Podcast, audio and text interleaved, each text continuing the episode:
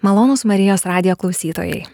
Su jumis laida Radijas eina į svečius. Ir šiandien aš Smiltė Juraitė kalbinu Liną Adomaitį. Nežinau, ar yra žmonių, kuriems reikėtų papildomai kažką dar sakyti prie šio vardo ir pavardės. Bet jeigu reikėtų pasakyti pačius pagrindinius dalykus, kurie man įstrigo, kai aš rašiausi šiai laidai, tai yra atlikėjas, produceris, eilių ir muzikos autorius, tėtis, fantastiškas vyras ir taip pat labai tikintis žmogus. Šiandien su juo kalbėsime ir apie jo muziką, ir apie šeimą, ir apie jo tikėjimo kelią. Tai labas, Linai. Sveikas, Miltė, sveiki visi brangus klausytojai. Labai ačiū, kad sutikai ateiti ir pasidalinti, per daug neklausinėdamas kas ir kaip, bet tiesiog įsileidai radiją į svečius. Ruoždamas į šiai laidai aš iš tikrųjų praleidau gerą laiko gabalą ir mane labai labai įtraukė. Tikriausiai niekada taip nuodugniai ir taip kitoniškai neklausiau tavo muzikos. Ir tavo pats naujausias kūrinys Šviesa spindės tamsoje ir būtent jo sakralinė versija, kurią jūs galite taip pat, mėlyje radio klausytojai, išgirsti ir YouTube kanale, yra kažkas nepaprasto. Ir mano pirmasis klausimas tau, koks jausmas kūrėjui. Žinoti, kad tavo muzika, tavo kūriniai daro tokį didelį poveikį klausytojui, kai jisai ir verkia, ir svajoja, ir šiurpas visų kūnų bėgioja, nes tu nežinai, kas vyksta, negali to paaiškinti, bet tu supranti, kad tai yra kažkas nepaprasto. Visų pirma, tai ačiū šitą klausimą, nes tai naujausias kūrinys, E, jisai skirtas mano sūnui Jokūbui. Ir e, tame kūrinyje pagrindinė mintis yra padėka Dievui. Tai tas klausimas, koks jausmas, kai tavo kūrinys sukelia būseną kitame žmoguje. Tai visų pirma, tai iš manęs tokie, va, išeina vidinė tokia kažkas, pavyzdžiui, pagiria mano kūrinį, aš mintise padėkoju Dievui už tai, nes, nes tas įkvėpimas sukurti būseną kūrinyje ateina iš tenai. Ir šitas kūrinys, ko gero, toks man pačiam ypatingas mano visų kūrinių kraitelėje, tai pavadinkim. Jisai, jisai kurtas galvojant apie Dievą, jisai kurtas galvojant apie padėką, apie pagarbą, apie viltį. Šviesa spindės tamsoje. Kas tai yra? Tai yra viltis. Tai yra tai, apie ką mes, krikščionys, apie ką mes katalikai galvojame apie ką melžiamės, apie ką kalbame, tai yra viltis. Šviesa spindės tamsoje. Ir to linki kiekvienas tėvas savo sūnui, to linki kiekvienas žmogus kitam žmogui, pasauliui. Tai šviesa spindės tamsoje. Nors ir būna tų dobių gyvenime, bet vis tiek reikia neprarasti vilties, vis tiek reikia priglausti tuos sužįstus paukščius, reikia tikėti ir eiti pirmin. Iš tikrųjų, šitas kūrinys, nu nežinau, man jisai itin pasirodė stiprus ir gilus ir toksai jau vandenynai, kūrinys, kurį tu skyriai savo pirmagimiai Sauliai, jau jisai buvo kažkas tokio, o čia dar žinai, taip aš norėčiau palinkėti, kad tų vaikų atsirastų daugiau, nes su kiekvienu vaiku, man atrodo, kažkas įvyksta dar kažkoks sprogimas ir tavo dėkingumas pavirsta tokiu grožiu. Tai tikrai labai pagalvokit, arba nelaukit vaikų ir dėl kažko kito jos kurkit, bet, žodžiu, tai yra tikrai nepaprasta. O iš tikrųjų, gal galėtumėt papasakot, kaip gimsta kūrinys, kaip gimsta kas pirmiau atsiranda? Eilės, muzika, nežinau, kaip, kaip tai atsitinka? Žinote, gražiausia kūryba yra, kai nėra taisyklių. Aišku, yra tam tikros harmoninės taisyklės muzikoje, klasikinėje muzikoje, yra tam tikri kanonai nusistovėję vienam ar kitam žanre, bet pačiam kūrybiniam procese labai smagu, kai nesvarbu, kas pirmas pasibeldžia, ar harmonija, ar melodija, ar tekstas. Pavyzdžiui, šviesa spindės tamsoje žodžiai gimė oro uoste, belaukiant lėktuvo iš tarpinės stotelės atskrendi ir yra laikas, kada lauki. Neturi net tušinuko ar pieštuko, bet turi telefoną, kuo puikiausiai gali susirašyti tekstą tenai. Tai ir gimė šie žodžiai būtent kažkur tai tarpiniai stoteliai. Tai pirmiausiai buvo žodžiai. Taip, pirmiausia gimė eilėraštis. Mhm. O paskui, kai jau gimė Jokūbas, aš labai panorau ir jam sukurti dainą. Norėjau ir jam paskirti dainą, nes Saulė turi vandenynus. Labai norėjau, kad ir Jokūbas turėtų savo dainą. Ir paskui pradėjau iš savo sukurtų tekstų rinkti, kas labiausiai tiktų. Ir taip prieėjau prie šio teksto šviesa spindės tamsoje. Mhm. Tai yra, nežinau, kelintas tavo, ar galiu sakyti tu? Žinoma, žinoma. E, Linas sukuria tokią atmosferą, kur matai žmogų pirmą kartą gyvai ir negali sakyti jam jūs, nes jisai toksai jaukus, šiltas, atviras ir man net nesisako tu. Linai, kelintas tai yra tavo hitas, kuris tampa tikrai tokiu dainuojamu, perdainuojamu, visi jo nori, savo vestuvinius klipus įgarsina ir uždeda tokią muziką. Kelintas, kaip tu, kaip tu pats galvoji? Nežinau, neskaičiavau, bet aš labai džiaugiuosi, kad vis dėlto vienaip ar kitaip, ar per linksmąją, ar per liūdnąją, ar per šmaikščią, ironišką, ar per prasmingąją pusę kažkaip pavyksta pralaužti ir pasiekti tą pagrindinį, turbūt kūrybos, pagrindinį muzikos tašką, tą pagrindinę esmę, tai yra sukurti būseną. Mhm. Tai net nežinau kelintas, nes jeigu skaičiuot šiemet kaip tik aš jau turbūt estradiniai scenui skaičiuoju savo 25 metus. Toks Dar prieš tai muzikos gimnazija ir muzikos akademija, dar apie 17 metų, tai kartais pagalvoju, gal ne visai toks jaunas pagal skaičių, bet visgi jaunas jaučiuosi viduje. Ir toje muzikoje stengiuosi įdėti tos jaunystės, kuri kiekviename žmoguje rusena iki pat senatvės. Tai yra paradoksalūs dalykai, kurie ir labai siejasi ir su mūsų tikėjimu, nes krikščioniškas tikėjimas irgi yra paremtas paradoksaliais dalykais.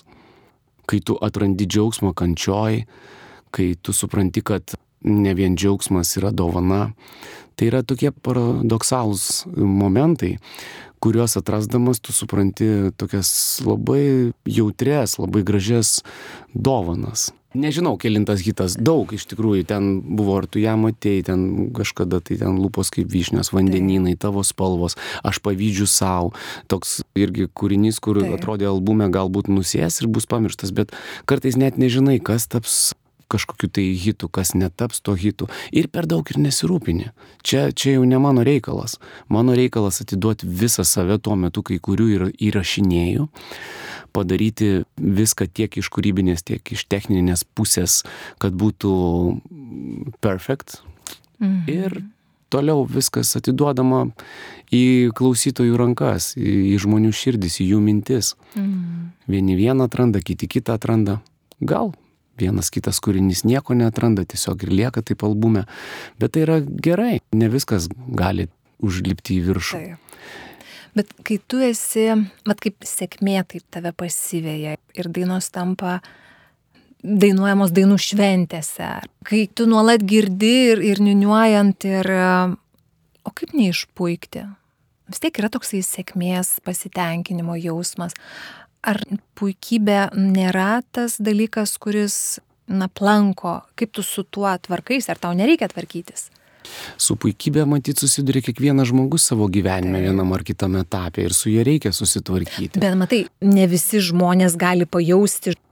Dabar va tūkstantinė minė man ploja, dėkoja, gal net atsistoja ploja.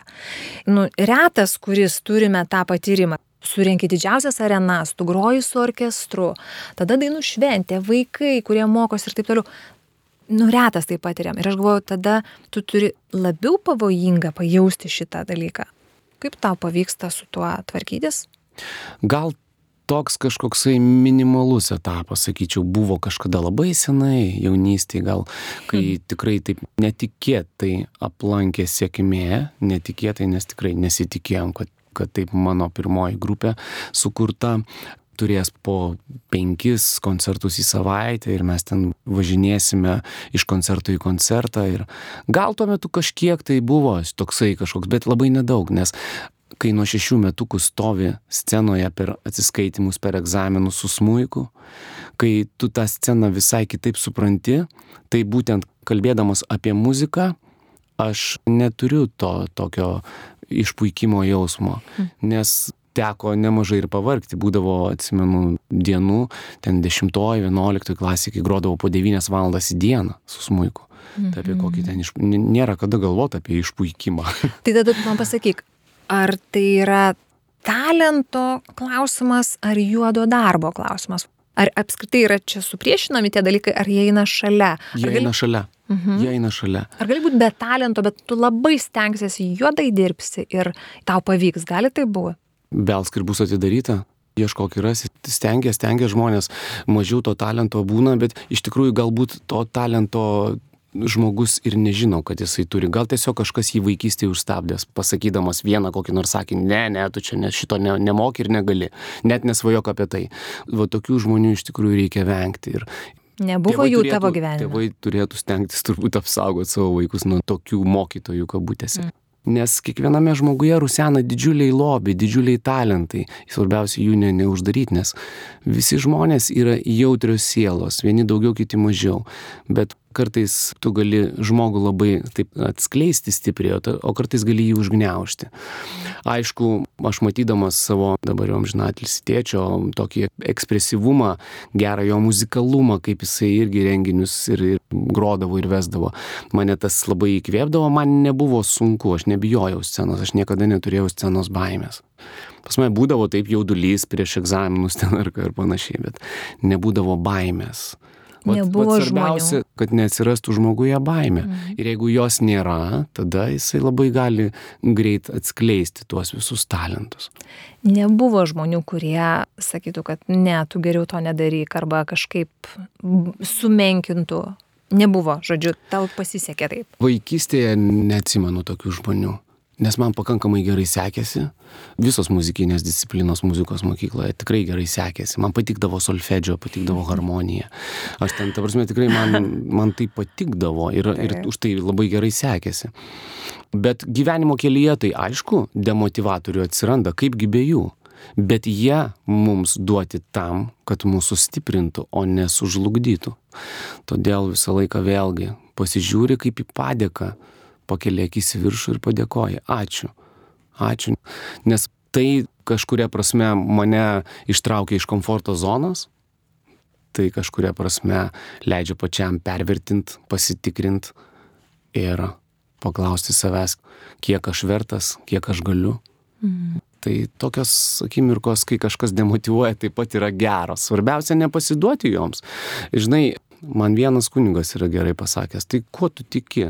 Ar tuo, kuris kažką va čia blogo pasakė, ar Dievu. Tai va, jeigu tiki Dievu, pasitiki juo, tai viskas sekasi.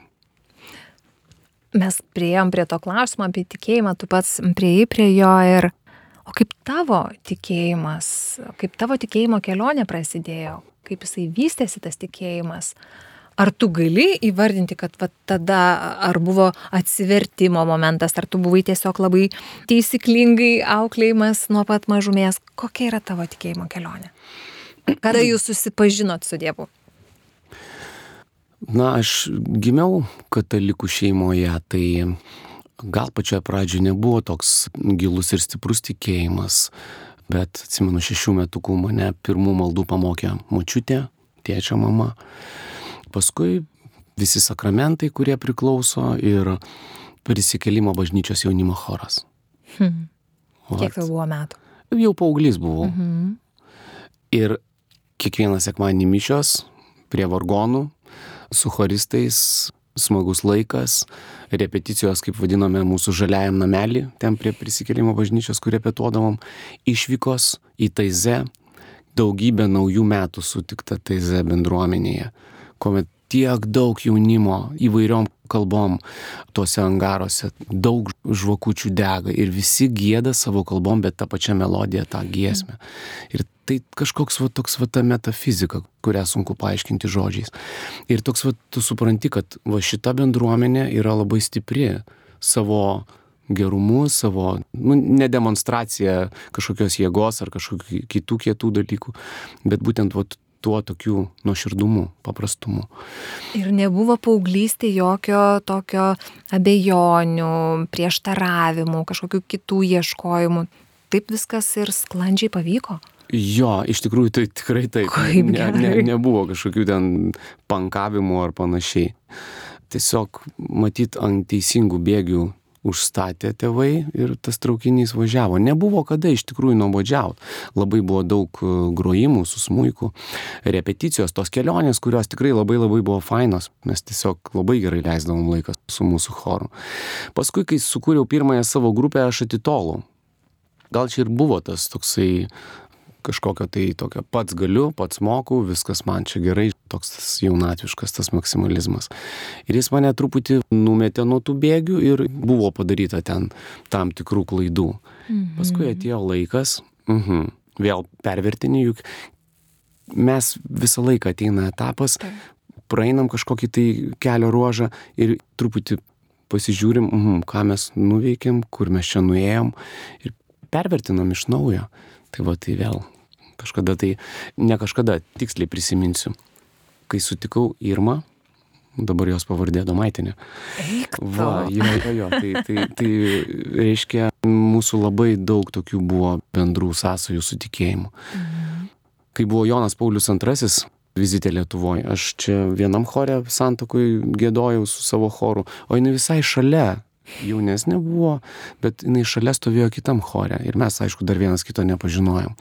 Mes pradėjom kiekvieną sekmadienį eiti mišes, klausyti pamokslo, nusipirkom sodybą netoli Višakio rudos ir tenai didžiausia Lietuvoje rastinė bažnyčia. Oficialu, didžiausia Lietuvoje rastinė bažnyčia. Ir ten kunigas Vidmantas Triokas, tokius nuoširdžius ir labai labai fainus pamokslus kalbėjo. Mes taip, mhm, kai toksimės, tai pas, pas šitą bičią, ne? Jo, jo, jo. Šitas, šitas tikrai labai nuoširdus, labai labai fainai. Ir kažkaip tai vat, viskas ir iki dabar ir tęsiasi. Bet žiūrėk, o kaip tau pavyksta, nu, juk sakoma paprastai, kad pramogų pasaulis ir ta šlovė, ir, ir kiti atlikėjai, ir ten pilna pagundų, ten pilna visokių gyvenimo malonumų, kurie, na, nebūtinai tinkami ir nebūtinai vedantis prie Dievo. O kaip tau pavyksta išsilaikyti, ar tavo pasirinktas kelias, ar tikėjimas neatsijoja tų bičiulių, draugų, draugyšių, kompanijų. Kaip tai vyksta? Aš sakyčiau, kad su visais tengiasi bendrauti, su visais nuoširdžiai kalbėti ir su tais, kuriais kažkokie tai, vat, nu, žinai, taip, vat, vibruoja panašiom vertybėm. Nebūtina kalbėti apie tikėjimo tiesas, bet kažkaip tai, vat, nuoširdumas ar kažkoks tai tas muzikavimas bendrai, kai bendras kūrinys, pavyzdžiui, tu supranti, kur tu solo atlieki, o kur turi truputėlį atsitraukto komponuoti ir atlieka solo kitas. Atsiranda pokalbis. Ir kai atsiranda pokalbis, tada viskas yra tvarkoj natūraliai, tas asocijuojimas įvyksta. Juk nevertinam, kad aha, čia va šitas tikintis, šitas netikintis. Visi mes esame Dievo vaikai. Mes nieko negalime nei smerkti, nei sakyti, kad va čia va dabar ten pramogų pasaulis ten paklydęs, nepaklydęs. Taip, gal kažkas ir klysta, klysti žmogiška. Gal jis šiandien klysta, gal rytoj jisai bus kaip 13 apaštalas Paulius, kuris pradžioje visus persikėjo, paskui tapo vienas įtakingiausių apaštalų, paskleidęs tikėjimą. Taip kad niekad nežinai, ką Dievas pasirinks ir kurioje vietoje. Todėl nesimu to vaidmens ten kažką tai kritikuoti stipriai, bet aišku, jeigu matau, kad labai nepakeliui ir žmogus jau ten visiškai ten aršiai bando man įrodyti tai, kuo aš nesižaviu, tai tada aišku, tie keliai nutrūksta. Bet daugumoje tai pas mane labai geri santykiai su kolegomis, su bičiuliais, su visais muzikantais. Mhm. Tu paminėjai savo žmoną Irmą. Ir um, kaip yra su tikėjimu jūsų šeimoje? Juk sakoma, kad šeima yra, na, tarsi mažoji bažnyčia. Gal yra kažkokios tradicijos, nežinau, bendra malda, kažkokia. Kaip jūs integruojate Dievą, tikėjimą, bažnyčią, tai, kas privaloma ir tai, kas tiesiog norisi jūsų šeimos bažnyčia? Tai, sakyčiau taip, kaip e, šešias dienas Dievas kūrė pasaulį, septintą dieną ilsėjosi, septintoji diena yra Dievo diena. Tai ir mes tengiamės šešias dienas dirbti, kiek įmanoma, nuveikti kažką naudingo. O Dievo dieną aplankome bažnyčią, aplankome šventas mišes. Jeigu pavyksta dabar per tokį tikrai didelį tempą šeimoje kartu pasimelsti, tai yra valio. Jeigu ne, pasimeldžiam atskirai. Ir Saulė moko maldų, jinai savo tokių gražių maldelių vakarais irgi vaikiškais tekstais su kalba. Gražu klausyti, šypsomės, žiūrim. Mm. Tai vad nieko nespaudžiam, stebim, žiūrim natūraliai, kaip viskas klostos. Ir labiausiai turbūt savo pavyzdžių stengiamės vaikam parodyti, kas yra gerai, kas nėra gerai. O koks tu tėtis? Reikės paklausti Saulės. O kaip tu galvoji, jau moka kalbėti? Ką Saulė pasakytų? Daug kalba. tai būtų įdomu, pavyzdžiui, paklausti Saulę. Kaip tu galvoji, ką Saulė pasakytų, koks yra jos tėtis? Mm, galbūt jinai sakytų, kad linksmas. Jo, galbūt sakytų, kad mes daug juokaujam, stengiamės juokauti. Ar yra jūsų šeimoje, e, žinot, tas žaidimas gerasis ir blogasis policininkas, kai vienas griežtesnis, kitas turi būti švelnesnis ir atvirkščiai? mes abu su Irma esame viena. Ir iš tikrųjų taip netgi esam susitarę, kad jeigu pastaba vaikui ar sudraudimas koks nors ir aišku, vaiko akis krypsta į tą jau kitą, kuris tuo metu tyli ir, ir bėga kaip ir to užtarimo, tai vėlgi, jeigu aš sudraudžiu, tai Irma irgi paaiškina, ką neteisingai padarė, kad ateitų prie manęs apsikabintų tėti, susitaikytų. Lygiai taip pat ir aš. Jeigu mama subara, tai irgi pasakau, kad neteisingai kažką padarėjai, ar ne vietoj palikai, ar numetė, ar, ar, ar netinkamai kažkaip pasielgiai ir, ir nueik pas mamą, pasakyk, kad daugiau taip nedarys. Mes tengiamės auklėjimą suvienodinti, kad nebūtų paskui manipulacijų. Čia jau psichologiniai dalykai, pats atsimenu iš savo vaikystės. Hmm. Tai kai tėvai turi tą va, tokią vieningą poziciją, tai tada truputėlį pasidaro lengviau auklėti, nes vaikų dvasia yra labai labai stipri, jie staigiai pajunta, kur čia gali pamanipuliuoti, kur čia gali dabar rasti užtarimą, kur čia patogiau ir smagiau viskas kad ir dėl tų saldumynų. Jeigu galėtų Saulė valgytų pastoviai, pastoviai saldų maistą. Košė su medum ar su uoga, paskui po to dar, dar kažkokį tai saldainį, paskui blinelį su sirupu ar su uogienė, tai pas ją viskas būtų vien ant saldumo. Tai vėlgi visose, visose srityse stengiamės kažkaip tą tokį protingą balansą atrasti. Mhm. Man labai labai patiko vienam savo interviu, tu sakei, kad tėvai yra šventa kad už viską jiems reikia dėkoti ir kad tėvai klaidų nedaro, nes viskas, ką jie daro, yra geriausia, kaip jie tuo metu supranta ir kas yra geriausia jų vaikui. Aš taip sakiau? Taip, tu mhm. vienam interviu šitaip sakai. Sakyčiau, visai išmintingas bičias pasakė. Išmintingai, ar ne? Jo, jo. Gal paskaitai kažkur? Iš tikrųjų, man labai dažnai galvoju, nes pati esu mama ir visą laiką save vertini, ar pakankamai esu gera, ar pakankamai gera, ar pakankamai gerai pasielgiau ir matas gerb savo tėvą ir motiną ir stengiuosi ir pati. Ir kaip jūs vaikus auklėdami tą gerb savo tėvą ir motiną, ką jūs įdedat į tą įstatymą ar ne, ketvirtą Dievo įsakymą, gerb savo tėvą ir motiną, su pažadu, su viešpatės pažadu, kad ilgai gyventumėj krašte, kurį viešpats tavo Dievas tau skiria. Man tai patinka, kad tai yra tas įsakymas, kuris neturi įsakmaus draudimo kažko nedaryti, tačiau talpina savyje paraginimo nuotaiką. Truputėlį apie savo tėvus. Kas tau jie? Nuostabiausi tėvai žemėje, tai kiekvienam, kiekvienam žmogui tėvai yra iškitas toks trikampis - Dievas, tavo tėtis, tavo mama ir tu atsirandi iš to trikampio. Ir Visada tai nėra pasiūlymas, mhm. tai yra įsakymas. Gerbk savo tėvą ir motiną. Tai nėra rekomendacija, tai yra įsakymas.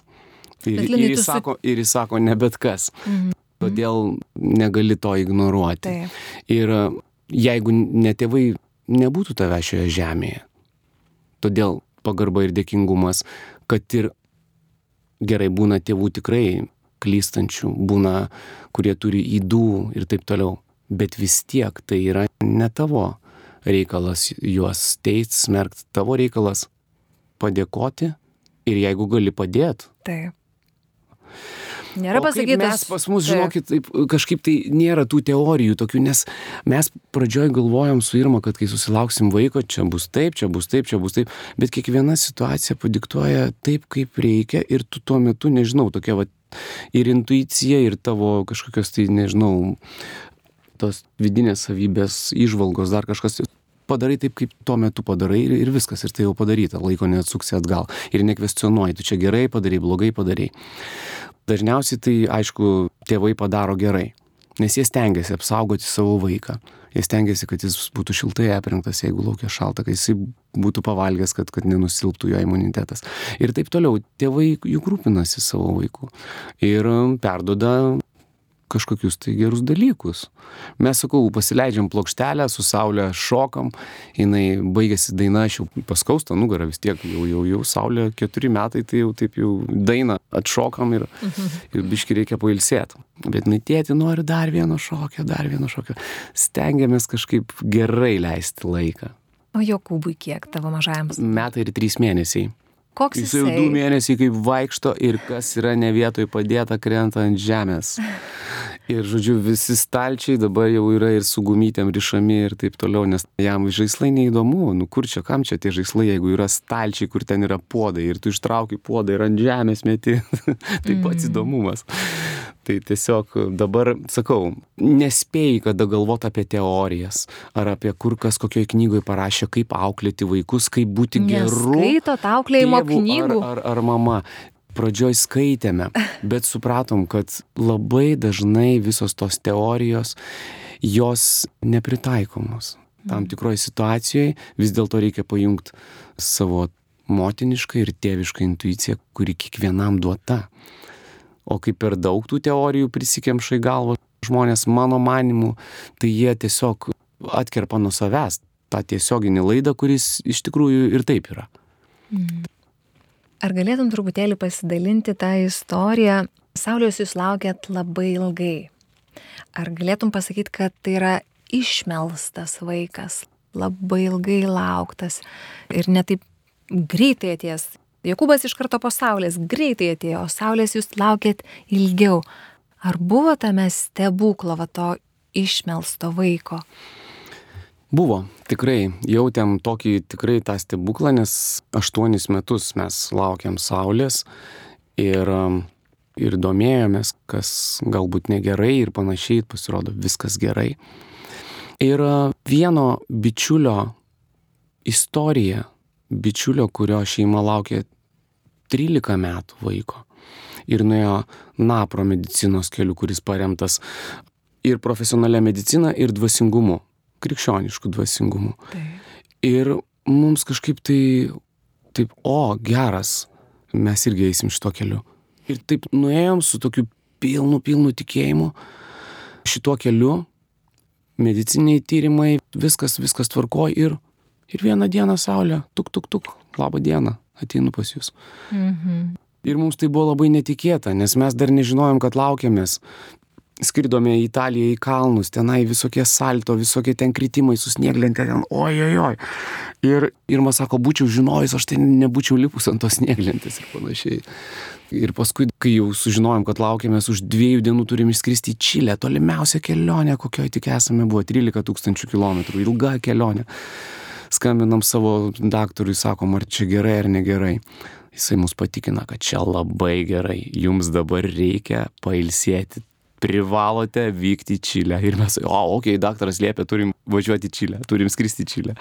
Tai mes du mėnesius taip labai ramiai Čilėje centrinę dalį tūkstantį kilometrų patyrinėjome ir grįžę į Lietuvą artimiesiems pasakėm, kad laukiame Saulės neįtikėtina, žinai, aš klausau, aš galvoju, jeigu aštuonis metus taip laukta, viltasi, tikėtasi ir atrodo, kad jau pagaliau įvyko, tai dabar kaip kiaušinį kokį porcelianinį tarsi turėjo įrma būti saugoma ir, nežinau, lovai gulėti devynis mėnesius, o čia ir snieglentė, ir čilė, ir viskas. Ne, būna situacijų, kai moterim tikrai tenka gulėti ir aš pažįstu mano vieni draugai, dėl visokių rizikų jinai turėjo gulėti devynis mėnesius lovai, bet įrmos organizmas, viskas, viskas buvo labai labai gerai ir mums sakau, nu, taigi daktaras liepia, mes turim keliauti, nu, tai viskas, jeigu daktaras pasakė, tai, tai šventa. o žiūrėk, o buvo kažkada atėjus mintis, o kas jeigu ir nebus? O jeigu nepasibels tie vaikučiai, o kaip tada? Buvo tokia mintis atėjus? O man buvo, man buvo tokia mintis mm -hmm. atėjus, kad kokia Dievo valia taip ir bus. Aš vis tiek... Priemi tai. Aš priemiau, jo, aš priemiau visiškai pilnai. Nebuvo svarstymų, kad kažką keisti ir taip toliau. Nu, vis tiek, man kaip katalikui vis tiek yra labai svarbus sakramentai ir taip toliau. Kokia Dievo valia taip ir bus. Ir viskas, matyt, šitos pozicijos ir laukia Dievulis iš manęs. Nes kol dar laukiam ten kažkokių tai, ten tokių kodėl, kaip tokių klausimų, svarstymų, kodėl čia taip ilgai, kiek čia dar laukti ir panašiai. Buvo, aišku, natūralu. Bet kai va atėjo tas momentas, kai bus, tai bus. Reiškia, taip turi būti ir viskas bus gerai. Ir toliau darysiu savo darbus, ką gerai moku daryti. Esu garso režisierius, esu dėstytojas, esu vyras, esu muzikantas, dainininkas, kuriejas. Darysiu viską toliau. Nu tiesiog kažkaip tai ta pozicija man labai pačiam padėjo ir matydamas kitus žmonės, kurie laukėsi, mm. man jie užsidegdavo didžiulis džiaugsmas. Gal ir šitos pozicijos reikėjo. Nes daugelis žmonių, kurie stengiasi, nesusilaukia, jiems atsiranda kažkoks nusivylimas, kartėlis, gal net pavydas.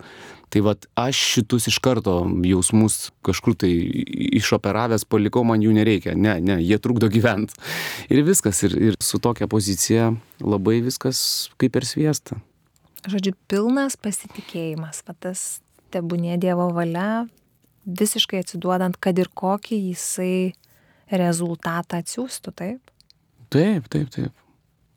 Mm, tai nėra paprasta, ar ne? Aš galvoju, kad labai dažnai mes, nu, vad prašom mane, Dieve, duok man to.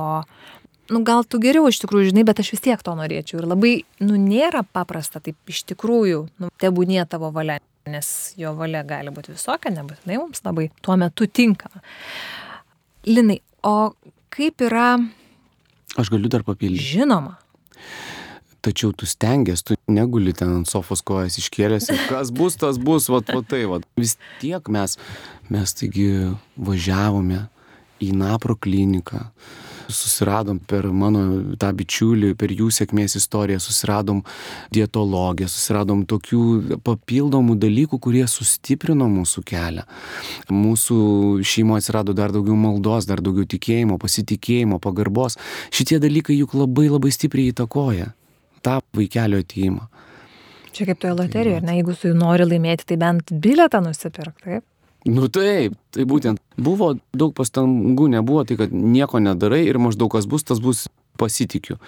Vis tiek turi stengtis, turi, turi daryti, tik tada kažkas tai įvyksta.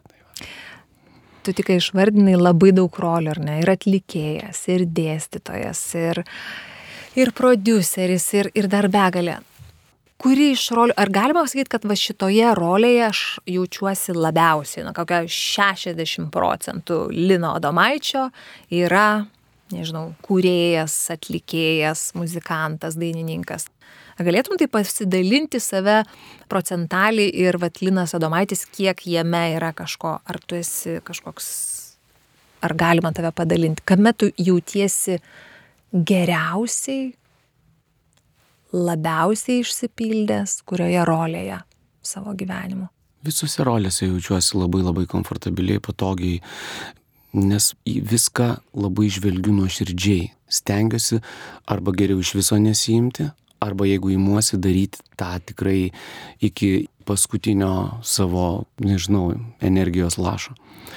Tai jeigu aš esu scenoje, aišku, tuo metu išsijungia tas tikrasis tėvas arba dėstytojas, ta prasme, aš tuo metu dainuoju, man svarbu pataikyti gerai į natą, man svarbu pertikti gražiai savo balsu tam tikras intencijas, tekstais, mintis.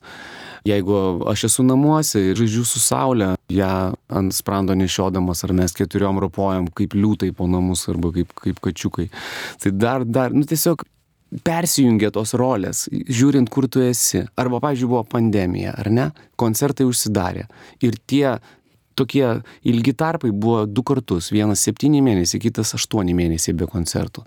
Nu tai ką? Reiškia, tuo metu išjungtas atlikėjas. Ir ką tada? Tuo metu dažniau apsilankai studijoje, susisinčiau visas naujausias maksimaliai muzikinės programas, instrumentus, kokius tik tai ten įmanoma. Ir dabar pats ten kai ką mokausi iš naujo. Mhm. Gyvenimas kartais padiktuoja, ką tu turi daryti tuo metu. Ir visą laiką tik prašai Dievo ir dėkoji, kad Jisai sustiprina, kad tu toje veikloje, kurioje esi, tą stengiasi padaryti gerai, kokybiškai ir nuoširdžiai. Ar esi perfekcionistas? Mhm. Ir kruopštus toks planuotojas. Tai palieki šiek tiek vietos šventai dvasiai veikti. Ir... Improvizacijai visą laiką palieku vietos, nes man labai patinka, va, pavyzdžiui, džiazas, ar ne? Kaunas džiaz festivalis, tai iš vis mane kaip muzikantą labai sustiprino ir dar užaugino kažkokį tai kitokį liną padarė. Nes jeigu taip žiūrėt, nuo 6 metukų iki 12 klasės tai buvo klasikinė muzikos mokykla. Paskui prasidėjo mano eksperimentai įrašų studijose ir, ir tos estradinės muzikos kūrimas ir muzikos produsavimas, kaip čia kas čia, paskui viską ir jungiau, ir nuo klasikinės nutolo, paskui vėl priartėjau. Tai viskas taip banguotai ir įdomiai.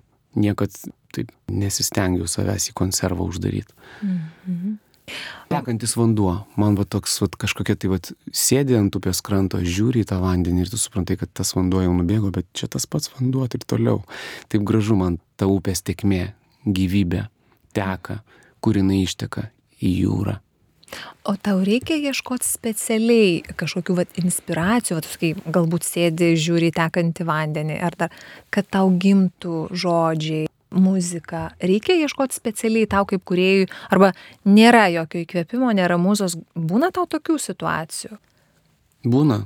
Būna tikrai tiek susikaupė daug visų kitų veiklų, tėviškų veiklų ir panašiai. Ir, ir tuo metu mūzos kažkur tai ilsisi, nes fiziškai nespėjai. Ir ką tada bėgi pabūti vienas kažkur ir... Ne, ne niekur nebėgu. Ne? Gal anksčiau būčiau bėgęs, nes tas noras kurti, būti įrašų studijoje, jis buvo labai labai labai didelis. Bet kai tiek daug jau nuveikta, sukoncertuota daugybė, daugybė koncertų ir įdomių koncertų su orkestrais, chorais ir didžiosiose visose salėse ir taip toliau, tai kažkaip tai, nežinau, visai kitaip pradedi žiūrėti į viską. Tada smagu bosom kojam sodybai pasėdėti Tai ką dabar tu mums ruoši linai? Tik paminėjai scenas ir, ir orkestrus. Ko mums dabar laukti? Pasakyk, išduok šiek tiek truputėlį, nu to skraistę truputėlį pakel, kad mes nors žinotumėm, ko laukti. Bet kaip teisingai formuluojami klausimai, tai aš negaliu. Nes realiai tai dar niekur neskelbta, bet šiandien turbūt pirmą kartą pasakysiu kad gruodžio 22 ir 27 dieną bus du nuostabus koncertai. Tai yra toks mini koncertinis turas, kuris vadinsis Šviesa spindės tamsoje. Mes pakeitėm turo pavadinimą, nes dėl pandemijos jis du kartus net buvo nukeltas, Saulės pėdomis buvo turas, bet mes keičiam pavadinimą, nes šviesa spindės tamsoje tai, kas šiandien groja, tai, kas šiandien aktualu, tai, kuo šiandien gyvena pasaulis, visiems reikia dar daugiau tos vilties ir šviesos. Žmonės šiek tiek pavargė ir nuo pandemijų, ir e, sunerime dėl karo. Ir 22 dieną Klaipėdoje Švyturio arenoje, o 27 dieną gruodžio Kaune Žalgirio arenoje, draugė su naujų idėjų kameriniu orkestru ir su daugybė surprizų, kurių šiandieną nenorėčiau atskleisti. Kaip gerai, klausykit. Mes Gruodžio patys 22 ir 27 rezervuojame datas, rezervuojame datas ir aš jau tikrai žinau, kad bus nepaprasta. Ir pačiai pabaigai, Linai, kokią švento rašto eilutę gal turi mėgstamą, ar vietą, kuri tau labai patinka ir kurią norėtum pasidalinti arba kažką palinkėti? Žinote, jau du kartus perskaičiau iš eilės.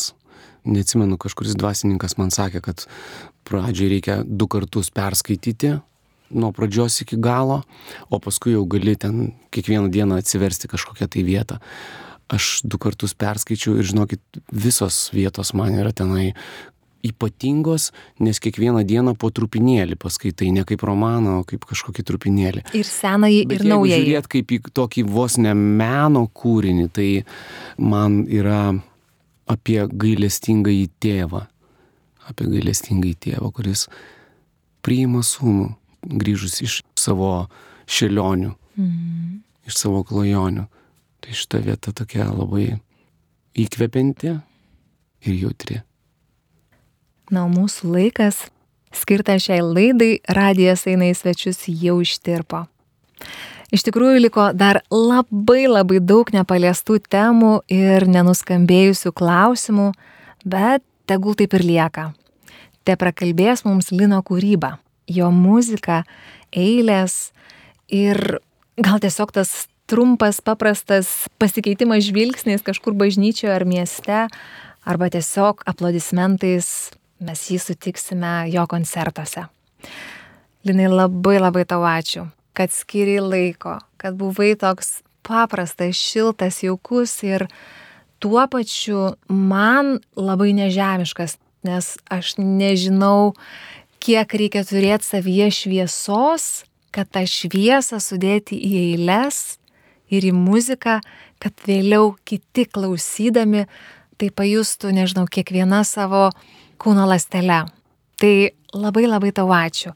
Ir tikrai te saugo viešpats ir tave, ir tavo gražią šeimą, ir te laimina tavo darbus, ir linkiu tau kūrėjiškos dvasios. Tai labai ačiū, mėlyjeji, labai labai ačiū.